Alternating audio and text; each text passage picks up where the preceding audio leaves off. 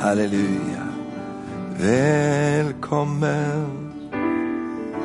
till denna plats. Kolla med handen. Välkommen in i mitt öppna hjärta. Du har sagt i ditt ord att du tronar på vår lov lovsång. Så vi ärar dig och vi prisar dig och vi offrar denna kärlekssång till dig. Bara sjung den en gång till och bara prisa honom. Välkommen till denna plats. Välkommen in i mitt öppna hjärta. Du har sagt i ditt ord att du tronar på vår lovsång. Oh, ära dig, prisar dig och vi offrar denna kärlekssång till dig. Så vi upphöjer dig, så vi upphöjer dig. Vi upphöjer dig. Vi upphöjer dig. Åh Jesus, Kiriala Mahandolo Moshe, Kiriala Mandi Alalaya. Vi upphöjer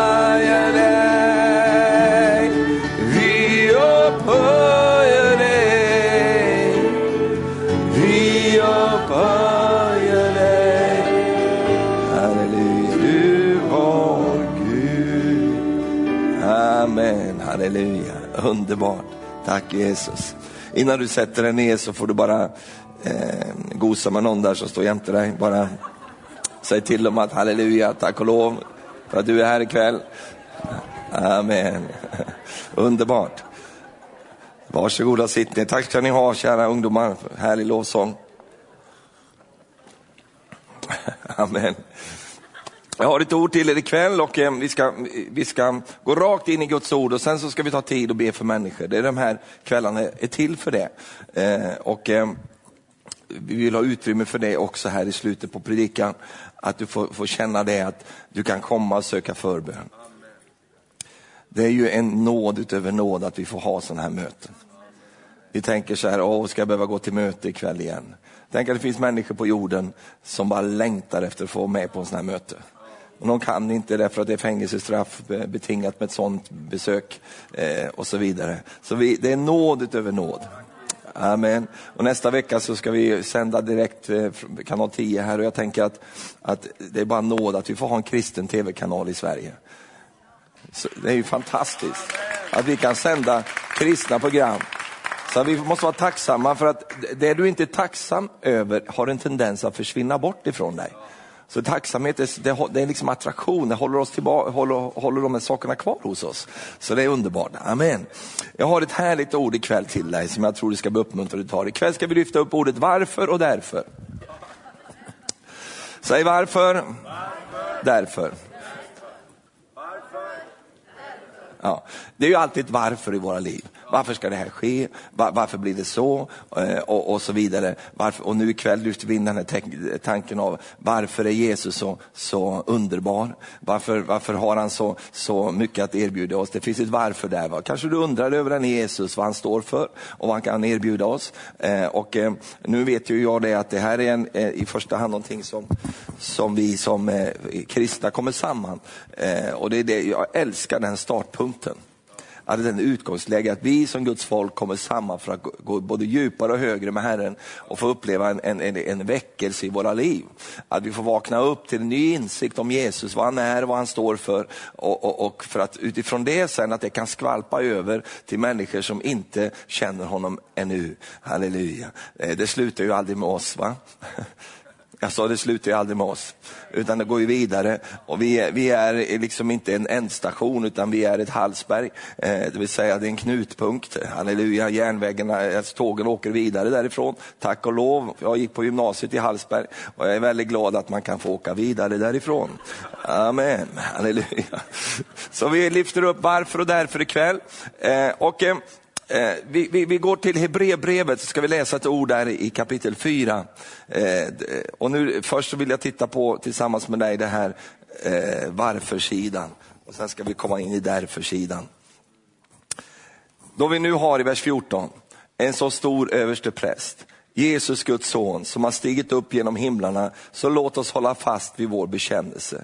Ty vi har inte en överste präst som ej kan ha medlidande med våra svagheter, utan en som blev frestad i allt, liksom vi, men utan synd.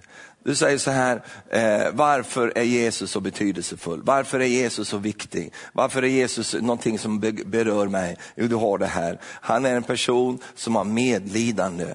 Han, har en person, han är en person som, som kan ställa sig tillsammans med dig och han förstår ditt läge. Han vet precis hur du känner dig. Han, han vet mycket mer hur du känner dig än vad du själv vet, vet om i ditt liv. Han gick in i ditt ställe, han har tagit på sig, han är som, som eh, bästa bilden jag kan tänka mig att beskriva, det är en kärleksfull förälder. Eh, en mamma eller en pappa. Det finns ingen, ingen person på denna jord som kan känna eh, eh, så mycket för dig så som din mamma eller din pappa gör.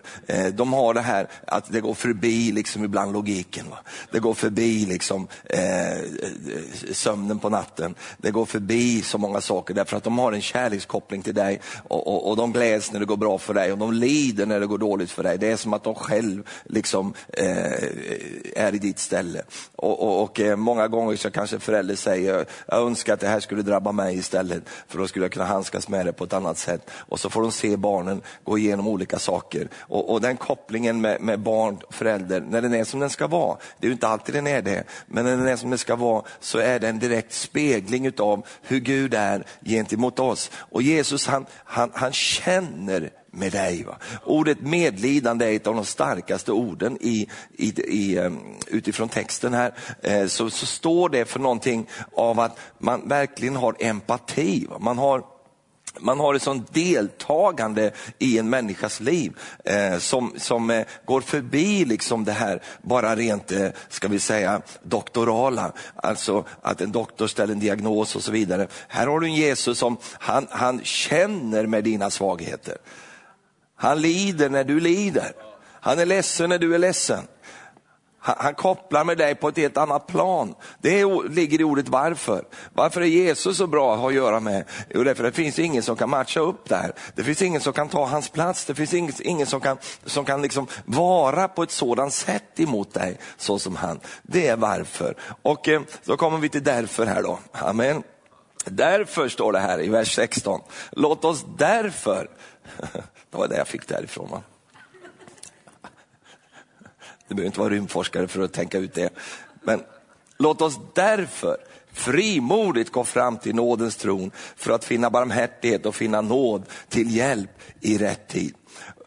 Halleluja. Du kanske sitter kvar i ditt varför här ikväll och du undrar, liksom, kan jag röra mig mot Jesus? Och då vill jag uppmuntra dig, det kan du. Du kan komma till honom. Du säger, men Stefan, jag är inte Guds bästa barn. Nej, det vet jag. Du är inte hans näst bästa heller. Du ligger inte uppe i topplistan. Det, det, tror jag inte. Det är ju inte jag heller. Jag vet men jag, en sak vet jag i alla fall, jag är hans barn. Halleluja. Och det är du också. Du är Guds barn. Och du behöver inte vara Guds bästa barn, utan du kan bara vara hans barn. Det, det räcker gott det. Och eh, är du hans barn, då finns, eh, då finns det tillgångar för dig som är fantastiska. Låt oss därför frimodigt gå fram till nådens tron. Eh, för att vi ska då finna denna barmhärtighet och finna nåd till hjälp i rätt tid. Halleluja. Och, och, det ska du få göra här ikväll. Du ska få gå fram till nådens tron. I, I kyrkorna så bygger man ju kyrkor på det sättet att man har en plats dit människor kan få gå fram. Eh, och en del har väldigt utsmyckade altarringar och man har väldigt, men det går tillbaka till detta att vi går fram för att möta Gud. Och, och, Det är något fint att göra det, att ta dina fysiska ben och din kropp och röra dig framåt rent fysiskt här ikväll. Eh, och då gör, förstår ju du det, att du gör det därför att det finns ett inre gensvar. Du vill komma fram och möta Gud. Halleluja, amen. Kan inte jag göra det hemma då, säger du. Jo, det kan du göra, men du är ju inte hemma nu, utan det är ju här. va. Så då får du göra det här, att du kan röra dig framåt mot Herren. Och det är ett slags uttryck för din tro. Va? Att jag vill röra mig framåt mot Gud. Jag tycker det är så härligt att vi inte säger låt oss gå bakåt och möta Gud. Nej, låt oss gå framåt och möta Gud. Amen. Och, och vi, vi, slår upp portarna här alldeles strax och du ska få vara så välkommen och, och få söka Herren. Och då får du komma med din nöd till Herren. Du, komma, du kan komma med dina svagheter, du kan komma med dina problem. Du, problem. du kan komma med det. Jag är mycket i Norge, vet du. problemer har de där. Vi har ju bara problem. Vi. Vi har inte många, många problem, vi har ett problem. Eh, och det är att vi inte har någon olja. Men, eh, men vi får komma till Gud. Va? Och då vill jag liksom skissa en bild för dig här idag på det sätt, bästa sätt jag kan. Försöka förklara för dig, vad är det du kommer till? Vad är det du kommer att möta här ikväll? Vilken typ av Gud är det du tror på? Det finns ju många olika sätt att se på Gud. Bibeln har ju sitt sätt, men det är inte säkert att det är det sätt som du är van att se honom på. Och därför behöver vi ta en liten stund och förklara vem han egentligen är. Det finns olika saker eh, som, som har att göra detta med Gud och vi ska, vi ska cirkla in oss på en sak ikväll. Och, och den ligger just i det här vi redan har läst. Låt oss därför gå fram till någonstans. Var ska vi gå fram? Till nådens tron. Nådens tron står ju för någonting. Tron kan man enkelt svenskt översätta stol.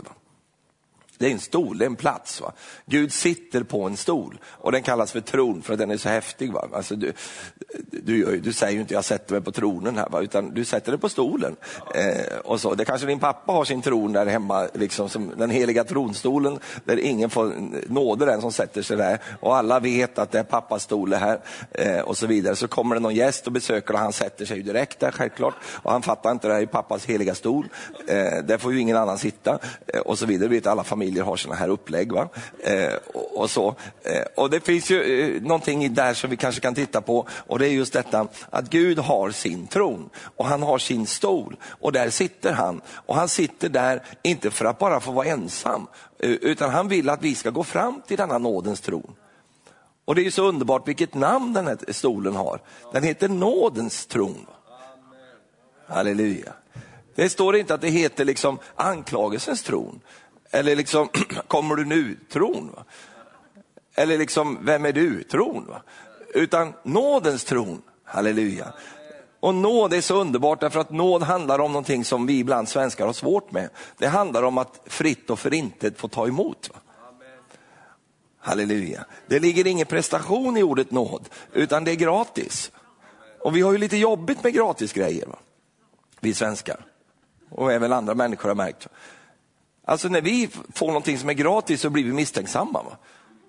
Vad är det för skumt med det här? Va? Är det något fel på den här grejen? Alltså? Varför ska jag få den här gratis för? Ja, vi har lite jobbigt med det här relaterat till, till det som är gratis, va? det som är fritt och förintet, det som inte kostar någonting. Eh, därför att eh, vi, vi, vi, har något vi, vi är ju så, jag kommer ner. Hej på er, roligt att se er. Amen. När vi upplever saker som är gratis så kan vi få det här att vi blir lite misstänksamma för vi är doppade i misstänksamhetens arsenik. Vi är doppade i den där, den där alltså vi är så lätt misstänksamma när någon är vänlig. Va? Eh, vi möter någon som ler emot dig. då tänker jag, är du alkoholist? Går du på för droger du? Är du vänlig du eller? Alltså vi, vi, vi, är konstiga, vi är inte naturliga i vårt sätt att, att, att, vara därför att vi har med oss en del olika saker. Så vi tänker liksom på ett visst sätt och, och, och vi kanske har blivit utnyttjade någon gång att någon sa det här är gratis, varsågod här får du. Men de sa inte att det, det fanns massa saker som var kopplade till det här som du sen måste göra och som du sen måste leva med. Eh, knarklangarna säger ju alltid att den första silen är gratis. Men Gud är ingen knarklangare. Säg tack och lov. Ett kristet möte det här, vi kör lite sådana grejer. va? Amen. Så, så, så det, det, det, kan vara gratis eh, och, och eh, det är gratis, det är det sätt vi tar emot det. Det finns inget annat sätt att kunna ta, ta emot det. det. Frälsningen är fri, va? den är gratis.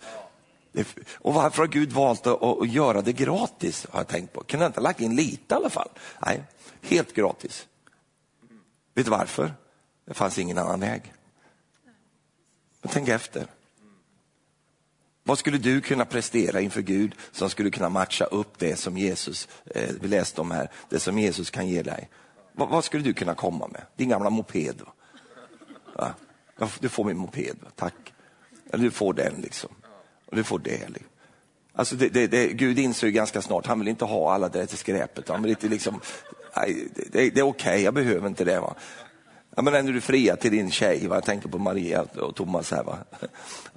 Och så kom Thomas med sina gamla grejer. Va? Jag har med mig en säng, en, en säng sen jag växte upp och, och, och, och så säger Maria, du kan lämna det. Va? Vi, vi, vi, det går bra ändå. Så. Alltså, vad, vad, vad, kan vi erbjuda i utbyte mot detta, eh, detta enorma? Va? Vad har vi att komma med? Och Gud inser ju det, därför säger vi gör det gratis. Det blir av nåd det här. Och Det finns en annan aspekt på det också och det är just detta som är så mänskligt i våra liv. Vi har ju ofta behov av att få en del utav kakan. Vi har ju ett behov av att få en liten del utav berömmelsen. Och därför så gör Gud det gratis för att ingen ska berömma sig. Ingen ska kunna säga jag var med och hjälpte till i det här. Utan vi, vi inser det att jag fick det här gratis, jag hade ingenting med det att göra. Gud skötte allting, det enda jag behövde göra var att gå fram. Det enda jag behövde göra var att röra mig till den nådens tron. Det var det enda jag behövde göra. Jag behövde inte göra någonting annat. Amen. Kristet möte, du vet, så du behöver inte vara orolig. Halleluja, pris Gud. Underbart. Så att jag, jag behövde bara gå fram där. Va? Nu är det svårt för oss människor med det här. Som jag sa, det här med gratis. Därför att det finns ju ingenting som är gratis. Om du tänker efter.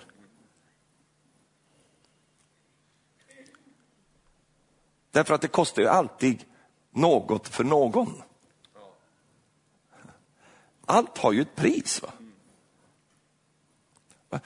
Titta inte på mig så jag blir så rädd för dig. Liksom. Allt har ju en kostnad. Va? Någonstans finns det ett pris. Alltså, det jag tar emot som gratis i frälsningen var ju inte gratis för Gud. Va? Det kostar ju honom det finaste han hade för att erbjuda detta som då blir gratis för mig. Och därför, så, om jag ska kunna uppskatta frälsningen, så måste jag alltid förstå kostnad också. Och det är därför som frälsningen alltid springer fram ur ett kors. Alltså bilden av korset, det inser ju vi att det, det, det finns något lite otäckt med det här också. Otäckt på vilket sätt då? Det står ett kors i centrum av kristendomen. Vad står det för? Jo, det står för ett pris som är betalat. Det är att någon har betalat ett pris för det sen jag får gratis. Någon har betalt med sitt eget blod, med sitt eget liv, för att jag ska få det som, som är då gratis för mig. Jag vet att vi har lite problem med det här med, med, med, med värden och sådana saker. Därför att eh, om vi inte kan koppla det som, som är gratis med det som har en kostnad, då kan vi lätt handskas med sakerna på ett sådant sätt att det blir en billig nåd. Men nåden är inte billig. Den är oerhört kostsam. Det kostade Jesus allt. Och därför så kommer jag inte fram i en slags attityd att eh, det här kan jag liksom, ah, få hit den här liksom smakprovet här då. När du går genom ICA. Va? Och de har sina äckliga smörgåsbitar där som man ska få. Va? Du vet de där med leverpastej på. Och det står någon glad tant där och säger, hej det är gratis, varsågod. Och du bara tittar på det, är ingen som har tagit något, va? Det är liksom, allt är bara kvar alltihopa. Och så, men ta det gratis. Och sen är det alltid någon hungrig en som står och matar i sig allihopa. Bara flyger tändstickor iväg så här. Bara, sitter och kastar de här pincetterna eller vad det är. Och ibland handskas vi med frälsning på det sättet. Att det är liksom, ja, jag tar, går väl fram och tar lite grann här då. Men så funkar inte Jesus. Utan ska jag ta emot av det som kommer av nåd till mitt liv, då måste jag också förstå att, att det finns någonting här som Jesus har gjort för mig, som kostade honom väldigt mycket. Jag menar, här har Maria en penna. Här, va? Pennor, va? nu tog hon, ska hon anteckna men det kan hon inte nu. För jag har tagit penna. Har du tänkt på pennor? Va? Du säger, vad, vad står det om det i Bibeln? Det finns en, en skrivares penna. Jag satte ett bibelord på allting. Har du tänkt på pennor? De är kända för två saker. Nummer ett, att aldrig finnas. Har du tänkt på det? Har du en penna? Hur ofta frågar du inte det? Va? Du ska skriva under någonting. Har du en penna? Nej, vad, vad gjorde jag pennan? Jag hade ju en penna här alldeles nyss. De finns inte, de bara vandrar omkring de här pennorna. Och nummer två, de har en svekfull karaktär. Därför att den här pennan redan nu, trots att den är rosa, så har den börjat säga till mig att Stefan, jag tycker så mycket om dig Stefan. Jag vill vara med dig nu. Du är min, jag är din, forever. Så om inte jag passar mig nu så har den här pennan bytt ägare. Va? Hur många pennor har inte du hemma hos dig som tillhör någon annan?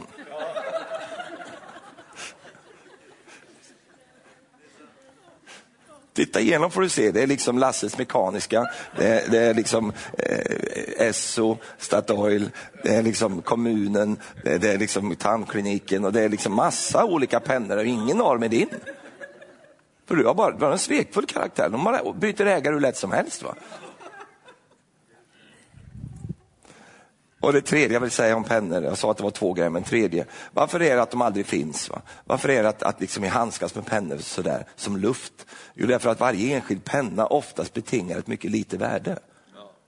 Du köper ju storpack på grossisten, va? 300 bickpennor. De är slut på en månad. Va? Därför att du singlar ut dem, för att varje enskild lilla penna kostar kanske 50 öre eller något sånt där. Va? Så då kan du handskas med det på det sättet, du sprider dina pennor överallt. Va? Därför att de, de är inte värda så mycket. Och nu gjorde jag ett experiment med mig själv för några år sedan. Och det var att jag gick och köpte mig en jättedyr penna. Va? Jag vågar knappt säga hur dyr, hur dyr den var här uppe i Norrland. För då får du problem med mig sen. Men jag gjorde det för ett experiment skull. Okay? Jag fick jobba ett halvår för att betala av den här pennan. Va? Den kostade 2000 kronor, va? denna penna. Va? Det var en sån här Mont Blanc-penna med sån här, med, med sån här eh, Davidsstjärna i mitten. Du vet en Mont Blanc-pennorna, det var ju, eh, det var ju, det var ju en jude som, som konstruerade den pennan. För Hitler ville ha en penna att skriva, han var så fåfäng så han ville ha världens bästa penna. Och det var en jude som konstruerade den, så gjorde han en, en Davidsstjärna så Hitler fick titta på, det fattar ju inte han. Va? Titta varenda gång han skrev under någonting så stod en Davidsstjärna och tittade i ansiktet på honom. Tyckte det var ganska coolt. Så då ville jag köpa en sån penna, då gjorde jag det. Hade jag den. Gissa om jag hade den kvar? Säg ja. Vet du varför? Jag följde den pennan. För det första om någon frågade, får jag låna din penna? Nej, glöm det. Tänk inte ens tanken. Här är min penna. Rör inte den. Och om någon då skulle liksom till trots få låna denna penna, va? så följde jag pennan med blicken. Va? För jag vet, jag kan den pennor. Va? De har en svekfull karaktär. Så då var det någon på väg ut liksom med den där pennan. Va? Du, hallå där Nisse, du har glömt en liten grej här va? Kan du kolla ner i bröstfickan där? Det är en liten penna som inte är din. Kan jag få tillbaks den? Jag, var, jag vakade över den där pennan som den vore liksom mitt liv. Va? Varför då? Kostnad. Jag visste priset för den pennan och därför så handskades jag med den på ett annat sätt än vad jag gör med en vanlig liten sån här rosa, ganska löjlig sak. Va? Den som är för kvinnor är fin. Jättefin. Så feminina pennor också. Jag lägga till i min serie om pennor. Så har du feminina pennor också. Skulle aldrig låna den här, förutom i ett undervisningssyfte. Men i alla fall så... Och så är det med dig och mig också. Alltså, vi förstår ju detta att ett liv släcktes ut för att jag skulle få frälsningen. Alltså någon betalar med döden för att jag skulle få det vi ska ta emot här ikväll. Nåd och barmhärtighet. Men om jag inte förstår det, om jag inte vet att det, att det hände, då kan jag bli väldigt nonchalant. Och då kan jag ju handskas med det på ett sätt som inte är, är, är Gud välbehagligt. Nu säger inte jag det här för att skrämma dig på något sätt, utan jag säger det, detta bara för att när vi kommer fram till nådens tron så ska vi titta upp på det korset som, som, eh, där han betalade för denna nåd. För att då är det så mycket lättare att ta emot det. Och inte bara ta emot det, utan behålla det. Jag ser en, hel, del ungdomar här, det är ju underbart med ungdomar. Men de vet inte mycket om kostnad. De åker på farsans bensinkort. Va? Nej, inte ni, nej, men jag pratar inte om ni, det är Eskimo-ungdomar jag menar. De kör kajak på pappas bekostnad.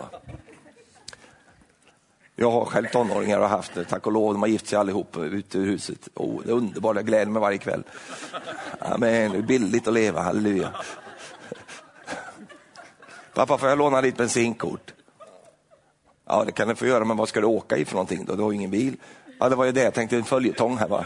Kunde jag få låna bilen som tillhör kortet också? Ja, då får du väl göra det. Åh, vad generös pojken är, vet du. Han åker ner liksom eh, 300 mil, liksom hälsar på flickvännen. Va? inga problem, jag kommer ikväll älskling, inga problem. Han bara fyller på kortet och tankar på och kör på, liksom pappa betalar. Tills det kommer en punkt där pojken får betala själv. Då kan han inte ens åka över till granngården. Då säger flickvännen, kan du komma och hämta mig? Nej, det tar sån tid, jag måste gå. Det blir för dyrt att åka bil. Helt plötsligt har han upptäckt någonting som är en sundhetstanke, en sundhetsupptäckt. Det är att saker kostar. Va? Alltså det finns ingen, jag håller på att säga, det finns ingen som är så tacksam för sina föräldrar som när de flugit ut ur huset och inser allt vad de har fått. Va? Ja, men du håller ju på med elströmmen hemma, hemma hela tiden. Gasar upp, bastun står på dygnet runt. Det bara väller ut där. Värmepumpen bara blåser på. Det är fullt ös. Jag vill ha värmt, jag vill ha könt. Jag vill, jag vill liksom, åh, det är bara ökt. Och sen när du kommer, kommer i eget boende, va? det går inte att gå in där, man måste ha kläder på sig. Stora så här anoraks och grejer för att komma in, för du har ingen, nej stäng av, stäng ner här. Stäng ner. Helt plötsligt har du fått betala din första elräkning.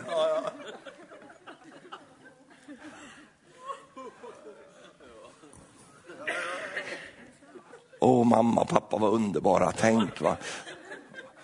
Du handlar din första matkasse. Åh, vad dyrt. Jag åker hem till mamma, där handlar man gratis. Där är det billigt. Och sen, sen börjar du fundera, hur lyckades mina föräldrar klara det här? De hade alltid mat hemma. Du har en gammal sur ost ligger där inne, du har inte råd att köpa någonting. Va? Mamma fullt av grejer, liksom. en massa grejer, du kan äta mycket du vill. Det där är ju fantastiskt att bara sitta och begrunda det. Och så blir man så tacksam, halleluja. Jag tänker på tonåringen, han sa om sin pappa när han var 16 år, pappa är sinnessjuk. Han är inte klok i huvudet. Va? Alltså han hade en attityd om sin pappa. Och sen när pojken blev 23 år så sa han, det är fantastiskt vilken utveckling min pappa har haft de senaste åren. han upptäckte någonting som han inte hade sett förut.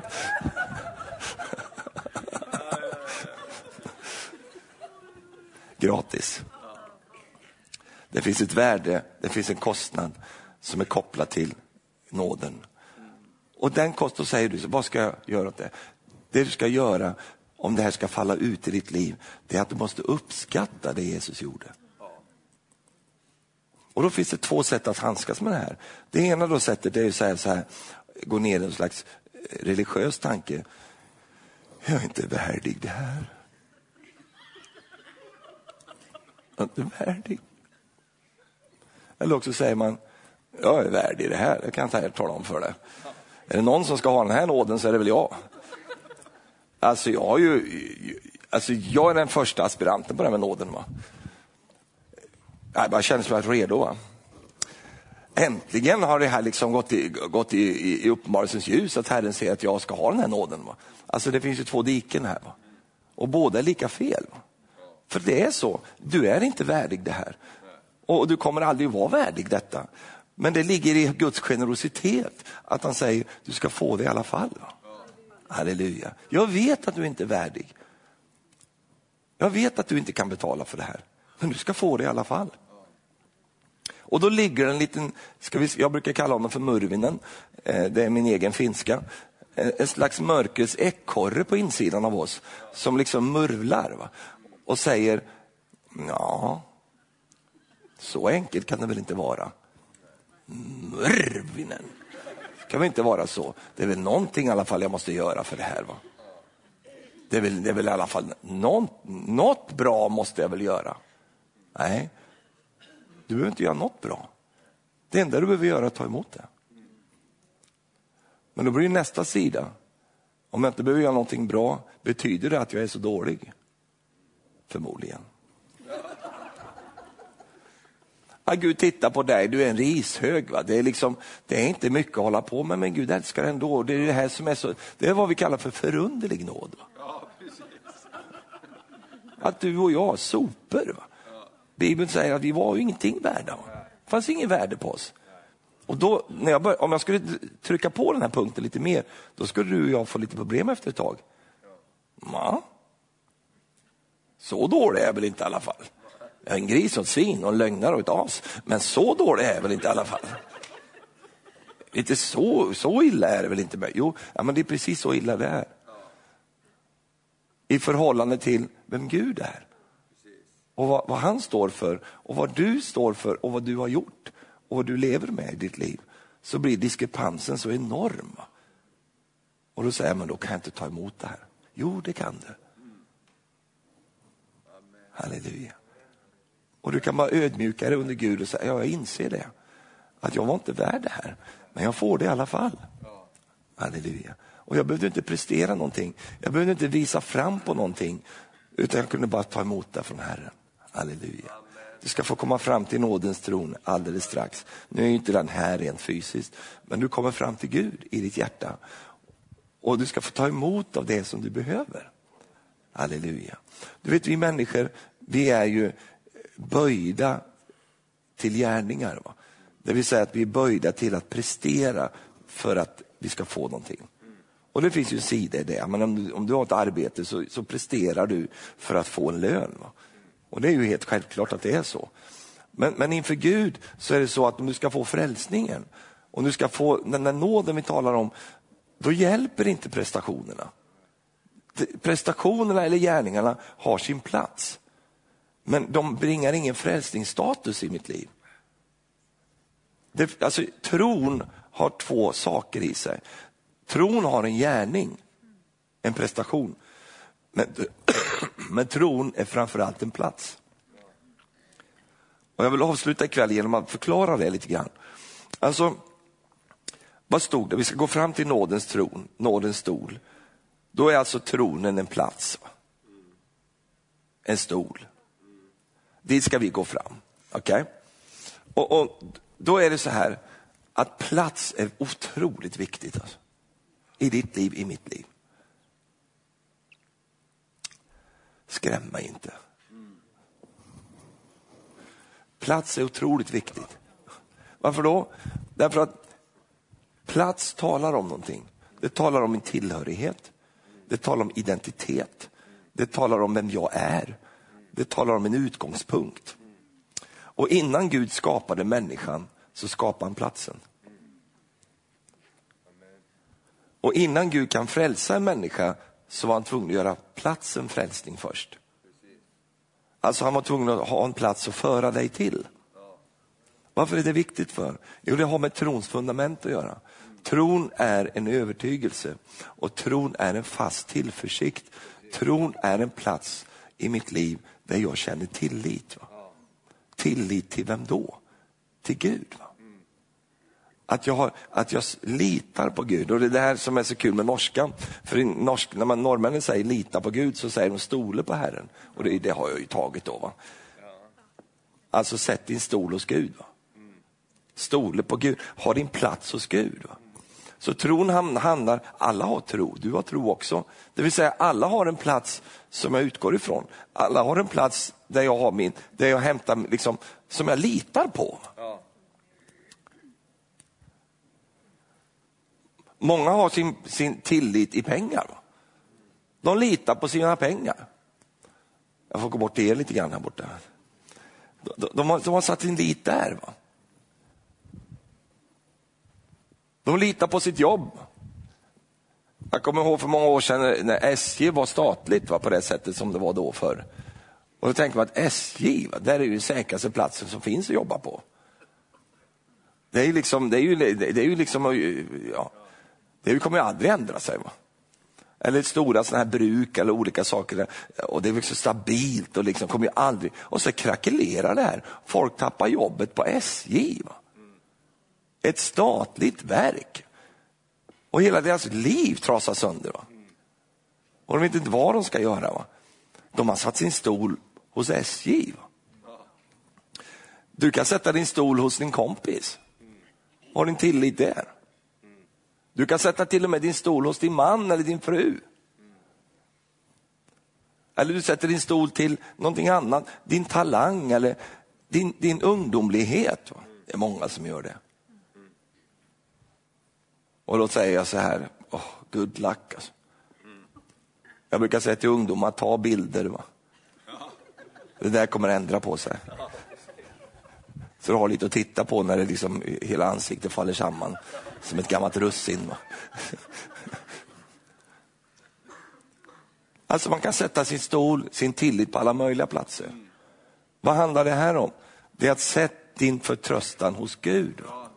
Han kan hjälpa dig. Så, du, så Gud blir din utgångspunkt. Gud blir din identitet.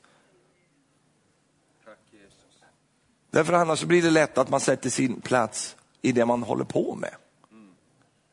I det jag gör. Det är så många som gör det. Man har satt sin, sin, sin, sin tillit i gärningarna. Så jag känner mig, mig tillfredsställd, bekräftad och glad när jag får utföra någonting och få beröm för det. Och sen tar de bort jobbet för dig. Du kommer till jobbet en dag och du har ingen kontor längre. De har flyttat ut dig i annexet någonstans där det inte finns någon ström, ingenting. Du sitter med stearinljus där ute. Och du trodde att det här ska jag få vara för alltid. Va? De har tagit jobb ifrån dig. Du sitter där ute och ingen pratar med dig längre. De har sänt ett väldigt tydligt budskap, vi vill inte ha det här på jobbet. Va? Det är många som får uppleva det. Och om du då har din tillit och trygghet i ditt jobb, då kommer du få välja problem i ditt liv. Eller om du har din plats utav, av liksom bekräftelse i de här grejerna du håller på med. Då kommer du få väldigt slitsamt i ditt liv. Och det är många som har det och det är flera som har det här ikväll. Ikväll ska du få nåd att byta plats. Du ska få nåd att röra dig in mot den platsen som aldrig förändrar sig. Det som är så underbart med, med Gud och hans stol, det är att den aldrig flyttar på sig. Den är alltid där. va? Den förändrar sig alltid, aldrig. Den är alltid där. Du håller ju på, men Gud håller inte på. Han kontrar inte med samma grej, utan han är stabil. Han är där, han flyttar inte på sig. Halleluja. Du kommer till Gud och ska möta honom. Det är inte så att han har hittat på något annat och gör ju andra grejer här nu. Nej, han är där och han väntar på dig. Och sen kommer du upptäcka att Gud har en plats för dig hos honom. Och den platsen, den är din för alltid. Den har ingenting med prestation att göra. Det har ingenting om du är duktig eller inte duktig. Det är, en det är en prestationsfri plats som du har fått av Gud och den platsen kallas för Jesus. Han är din plats. Han har skapat det utrymmet åt dig och den platsen finns för dig. Jag tycker det är fantastiskt med, med, Gud, att han är ju inte som vi människor. Han använder ju aldrig platsen för att lära oss någonting. Det gör ju vi människor. Vi flyttar ju på platsen. Det finns ju ingenting som är så osäkert som man ska sätta sig om man inte vet att stolen är där. Har du varit med om det någon gång? Du satte dig i en väldig frimodighet och pang åkte du ner rakt i golvet. Va? Gud håller inte på så. Han, han håller inte på säga, ah, men nu, Nissen, idag har du ingen plats förstår du. Får du, du får ingen plats här idag. Imorgon kanske du har en plats om du är riktigt snäll och sköter dig. Då ställer jag fram stolen åt dig. Så håller inte Gud på. Utan platsen var där innan du blev frälst. Den finns där från första början. Och det är det vi får upptäcka och få upptäcka att vi får gå fram till nådens tro. Och upptäcka att det fanns en plats för mig här. Va? Halleluja. Och det var inte jag som hade eh, eh, förtjänat den platsen, utan Gud så gärna ville att jag skulle vara med här. Nu kan jag din sort. Va? Du är människa. Jag tror det i alla fall. Det finns något mänskligt över det i alla fall. Och då vet ju både du och jag att vi är ju, vi är ju alltså, som alla andra människor så är, ju vi i behov av trygghet. Va? Nu sitter du och låtsas här och spelar upp dina fina kyrkfasader för mig. Va? Inte jag, jag är trygg i alla lägen, säkert. Du vet ju själv när du ska ut och flyga. Va? Eller åka buss, tar vi då. Eller vad som helst. Eller när jag ska flyga i alla fall, då får man ju boardingkort. Va? Och så står det 7C där. Det är min plats. Jag vet inte hur många gånger jag tittar på detta 7C. Va? Hur var det nu? Var det 7C? Var det 7C? Var det... Och sen när jag går in i gången där i flygplanet, va? Alltså jag, blir inte riktigt, jag kan inte riktigt slappna av. förrän jag hittar 7C och att det inte är något krångel med det där, så att man missat det. Va? Det fanns inte 7C, utan det är toaletten där liksom. Och då när jag hittar 7C, ah, då, då slappnar jag av. Jag hittar min plats. Vi är sådana vi människor. Vi blir lite osäkra om inte vi vet att vi har en plats. Min, min dotter, min yngsta dotter gifte sig nu i augusti och hon, hon gjorde ju någon sån dum grej va, som ungdomar kan göra. De sa pappa vi vill inte ha såna här placeringskort. Vi vill ha fri placering. Va? Folk får sätta sig hur de vill. Och jag tänkte det ska bli intressant att se hur fritt det, hur fritt det blir. Va? För när de kom in där, vet du, folk, det, var, alltså, det tog en halvtimme innan vi kunde börja äta. Va? Därför att direkt så börjar man, var ska du sitta? Ska vi sitta ihop, du och jag? Ska vi sitta, äh, vi sitter här va. Som har, man, då säger det är fri placering, sitt var du vill. Nej, vänta, ska vi sitta någonstans? Och sen när någon hade hittat en plats som var fri, va? så gjorde de den fullständigt bunden. Va? För att ingen bytte platser, va? utan man hittade, man och så sitter man där hela kvällen. Så. Rör sig inte. Va? Nu har jag hittat en plats här, nu, jag, jag går inte upp här. Jag är här nu. Det är så fundamentalt mänskligt att vi blir inte riktigt trygga om inte vi har en plats. Du går på bröllop och kommer på bröllopsfesten så har de en placeringskarta. Va? Vad är det första folk gör? Ja, då går de direkt och kollar på den här kartan. Va? Sen, för en del så upp, de har så udda namn, va? så det uppstår liksom en oro inom dem. Oh, där är det. Där, Jonsson. Och en del tar ett steg till, de går in och kollar. De, går, de låtsas att... Sen kan de gå ut och slappna av. Är det igenkännande skratt här nu? Eller? Att vi, vi, vi, vi är sådana vi människor. Va? Och därför så, och Gud vet det. Och han, tänker, han behöver inte ändra runt på det. Men vad han gör, det är att han säger till dig, jag vet att du är sån, att du behöver den där tryggheten. Men då är nästa fråga till dig, till dig, vart är det du söker den tryggheten någonstans? Söker du den i ting, i platser som kommer att försvinna ifrån dig? Söker du den i liksom pengar eller andra saker eller i grejer som, som är ostabilt och osäkert, finns idag, inte imorgon. För det finns ju en fiende, djävulen, han vet om var vi har våra svagheter någonstans. Så vad gör han? Jo, om han kan få dig att bli osäker på din plats. All härskarteknik går ut på det här. Att om jag kan manipulera med din plats och ditt fäste i livet. Om man kan manipulera det, du har det idag, inte imorgon. Ställer fram det ibland, vissa liksom olika grejer. Fram. Då, kan, då blir du osäker. Och när du blir osäker så kan jag börja styra dig. Därför att människor kan gå väldigt långt bara för att få uppleva att jag har en plats. Du vet de här gängen, va? Hells Angels och alla såna här kriminella gäng. De mördar ju andra människor för att de får känna, då har jag en plats i det här gänget. Då får jag vara med här. De är ju inga mördare egentligen, men de har sånt behov av det du har behov av. Fast de har det på ett skadligt sätt. Men du har också ett sånt behov i ditt liv. Jag med. Få känna det att jag har en plats, jag har en tillhörighet. Jag har en utgångspunkt i mitt liv. Och om vi gör Gud till den platsen i våra liv, om vi, om vi litar på honom för de sakerna, Då har vi ett fundament för vårt liv som vi sen kan ta med oss ut i en föränderlig värld där saker och ting ändrar på sig hela tiden. Så har du ju alltid en utgångspunkt som aldrig ändrar på sig. Halleluja.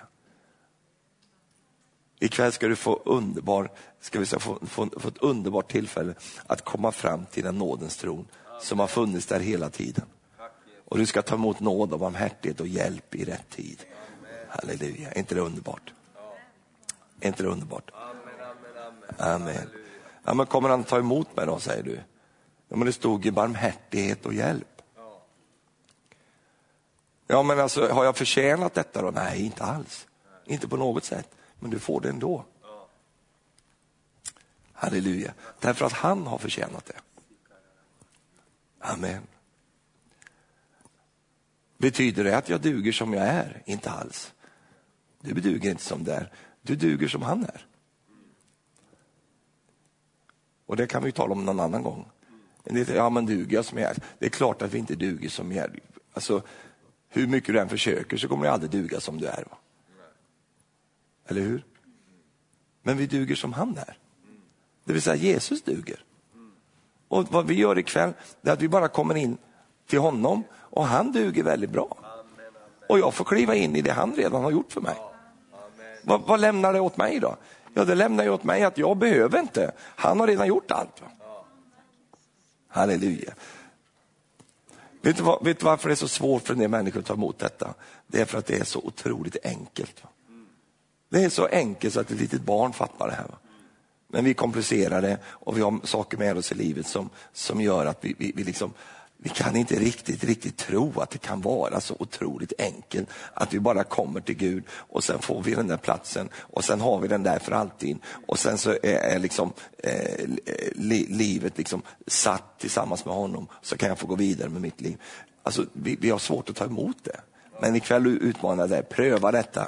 Halleluja. Ikväll ska du få lägga ner dina egna strävanden. Broder, där kan du komma och spela lite på pianot. Så ska vi bara gå vidare här ikväll och be för människor. Du ska få nåd att lägga ner dina strävanden. Du säger så här, jag försöker räcka till, jag försöker duga, jag försöker vara en bra människa och allt det här. Och jag uppmuntrar dig ikväll, bara lägg, lämna det i bänken ikväll. Och kom till Jesus, kom precis som du är. Men Någon säger kom till Jesus, kom som du är. Och det är ju egentligen självklart. Hur skulle du annars komma?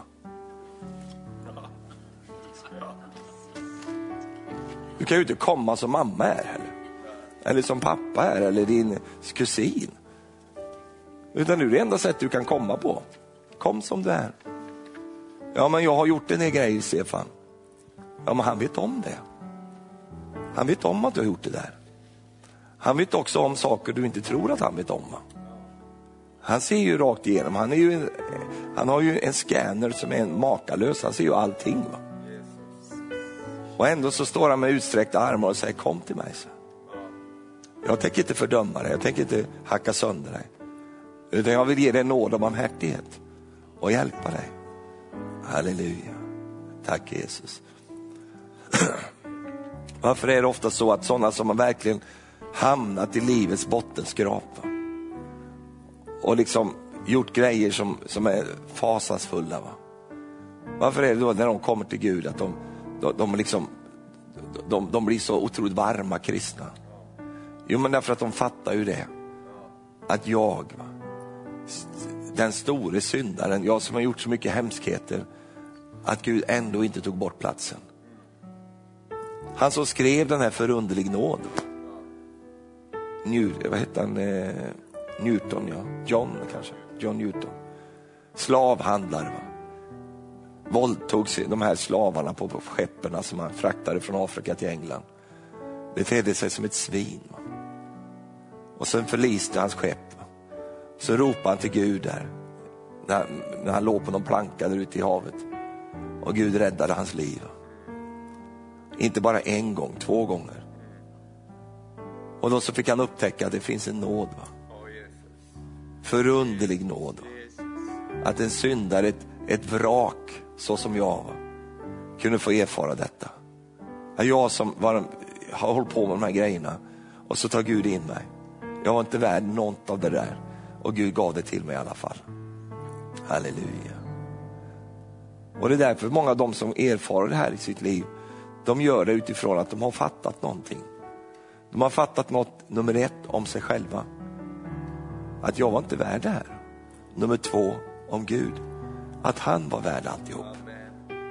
Halleluja, tack Jesus. Ikväll får vi nåd att komma. Vi lägger ner våra självrättfärdighetstankar. Vi lägger ner de grejerna och så kommer vi till Gud. Tack Jesus. Tack Jesus, tack Jesus, tack Jesus. Åh helige Ande, vi bara välkomnar dig. Välkomna dig Herre. Välkomna dig helige Ande. Tack för att du är här ikväll. Tack för att du vill röra vid människor här ikväll. Tack Herre för att du vill ge nåd och barmhärtighet till någon Herre, till några. Att få bara sträcka sig till dig Herre. Få uppleva Herre hur, hur, hur frälsningens underbara gåva Herre, bara få komma rakt in i deras liv Herre. Prisa dig för det. Tack Herre för att du, när vi ödmjukar oss inför dig, att du aldrig, tar, aldrig står oss emot Herre, aldrig förkastar oss Herre, utan du drar oss nära ditt hjärta. Vi tackar dig för det. Vi tackar för att du ska bota människor från djup förkastelse ikväll Herre. Tack för att du ska hjälpa människor med detta. Tack för att du ska hjälpa människor som strävar i sin egen förmåga, sin egen kraft. Som inte har upptäckt frälsningens plats Herre i sina liv. Jag tackar dig för att du bara ska göra ett verk djupt in i hjärtat Herre. I Jesu namn. Halleluja Jesus, vi prisar dig. Åh oh, Jesus, ska vi stå upp tillsammans? Oh, Jesus. Oh, Jesus.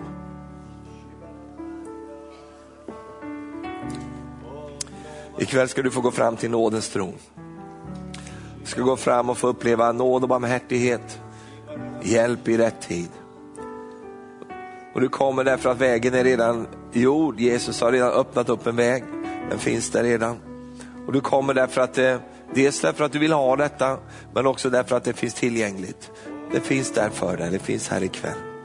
Halleluja, vi, vi drar oss närmare Gud, vi söker hans ansikte. Halleluja, tack Jesus. Vem är du som säger, jag, jag behöver ta del av Guds barmhärtighet och Guds nåd ikväll för mitt liv. Jag behöver ta emot hjälp ifrån Herren. Halleluja, då öppnar vi upp här och då är du välkommen. Du kan bara komma fram och ställa dig här framme. Ska vi bedja för dig och du ska få, få del av Guds, eh, Guds beröring här ikväll. Halleluja, ta de här stegen fram i gången så, så bara rör du dig fram. Det kan vara vad som helst. Det kan vara sjukdom, det kan vara någon relation, det kan vara någonting i ditt eget liv, någonting som du behöver. Och du får bara liksom eh, komma precis som du är inför Herren. Amen. Välkommen. Halleluja, tack Jesus. Välkommen till denna plats. Välkommen in i mitt öppna hjärta. Du har sagt i ditt ord att du tronar på vår lovsång. Halleluja Jesus Kristus. Prisa dig och vi offrar denna kärlek som till dig. Åh Jesus, välkommen. Åh Jesus. Åh, alla masando, di alla masanda. Halleluja Jesus. Sant i ditt ord att du tronar på vår lovsång så vi ärar dig. Halleluja Jesus. Och vi offrar denna kärlekssång till dig. Amen Jesus, halleluja. Fler ska komma. Du ska komma här just nu och bara ta emot ifrån Herren. Ta emot det du behöver, det du tränger här ikväll. Du ska bara komma här just nu. Halleluja. Bara sök dig fram till förbön ikväll. Bara sök dig fram här ikväll. Halleluja, tack Jesus. Tack Jesus, välkommen fram. Välkommen fram, kom bara. Kom medan jag talar här nu. Halleluja, tack Jesus, tack Jesus, tack Jesus. Åh oh, Jesus, vi bara prisar. Amen, tack Jesus. Halleluja Jesus, Kiri alla massan. la la la. Kyria la la la la la. Halleluja Jesus. Oria lo lo lo lo. la la. Siria la masanda la la la la. Siria la mama mama Maria la la la la. Alleluia, alleluia. Jesus, Jesus, Jesus, Jesus, Jesus. Jesus, vi prisar dig Herre, vi prisar dig Jesus, vi lovar dig Jesus. Halleluja Jesus. Oh Jesus. Oh Jesus, Jesus, Jesus, Jesus, Jesus, Jesus. Halleluja Jesus, vi tackar dig, vi prisar dig. Åh, oh, vi ärar dig Jesus. Amen. Jag ska dröja bara någon liten stund till och vänta in någon till, kanske någon ytterligare säger jag vill också komma. Jag vill söka mig till nådens tron ikväll. Jag vill komma inför Gud ikväll. Jag behöver hjälp ifrån Herren, jag behöver nåd och barmhärtighet med mitt liv. Halleluja Jesus. Åh, oh, vi prisar dig, vi prisar dig Jesus. Åh oh, Jesus. Vi sjunger någon sång till medan vi prisar Herren och, och, och så, så kanske någon ytterligare vill komma här. Och så ska vi bedja tillsammans sen. Halleluja Jesus. Halleluja Jesus. Välkommen i lena plats. Välkommen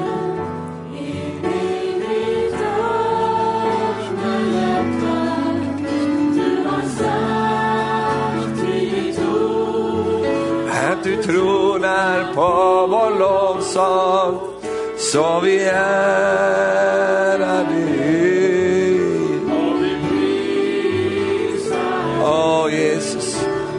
Vi offrar denna kärlekssång till dig.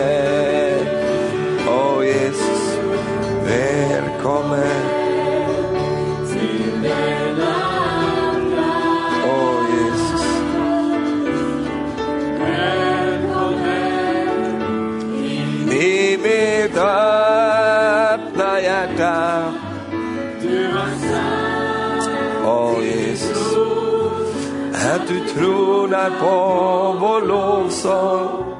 Så vi ärar dig och vi prisar dig. Halleluja. Och vi offrar denna kärlek. Åh oh, Jesus. Halleluja. Nu ber vi tillsammans. Jag ber före dig och så ber du bara efter mig. Hela kyrkan är med och ber. Kan vi be så här. Jesus, nu kommer jag till dig. Tackar dig för att du har öppnat en väg för mig. Och jag tackar dig för att du har medlidande med mina svagheter. Tack Herre för att du eh, har barmhärtighet att ge till mig ikväll. Tack för att du ser i nåd till mig. Du ser inte på alla mina felsteg. Utan du tar emot mig, Herre. Jag förstår att jag aldrig kan förtjäna detta. Men jag kan ta emot det. Så nu Herre tar jag emot ifrån dig ikväll. Hjälp mig Herre. Jesus, du är min nådastol. Och jag kommer till dig för att få nåden och barmhärtigheten till hjälp i rätt tid. Tack för att du hjälper mig Herre. I Jesu namn. Hjälp mig att lita på dig. Hjälp mig att ha min tillit hos dig Herre. Du ser Herre att jag blir så frestad att flytta min tillitsplats till någonting annat än dig Herre. Men ikväll så flyttar jag stolen tillbaka och sätter mig hos dig Herre. Jag har min tillit och trygghet hos dig. I Jesu namn. Jag bekänner dig Herre som min nådastol. Jag tar emot den i tro. I Jesu namn. Amen. Halleluja. Vi ska fortsätta prisa Herren och sen ska vi bedja för dig, lägga händerna på dig. Det är vackert det här. Det är vackert. Därför att inför Gud, när vi söker oss fram till hans, till hans liksom hjärta, då rör han vid oss. Halleluja. Då rör han vid oss. Halleluja. Amen. Tack Jesus. Tack Jesus. Halleluja. Amen. Halleluja. Jag uppmuntrar dig när du kommer på kvällarna, kom och ta emot förbön hela tiden. Amen. vi har ju inte alltid sådana här möten så att passa på. Halleluja, amen. Ska vi bedja här, Thomas och ni andra som brukar bedja, så bara lägger jag händerna på dig. Och så kommer vi inför Gud och fortsätter att sjunga och prisa Gud. Amen. Halleluja.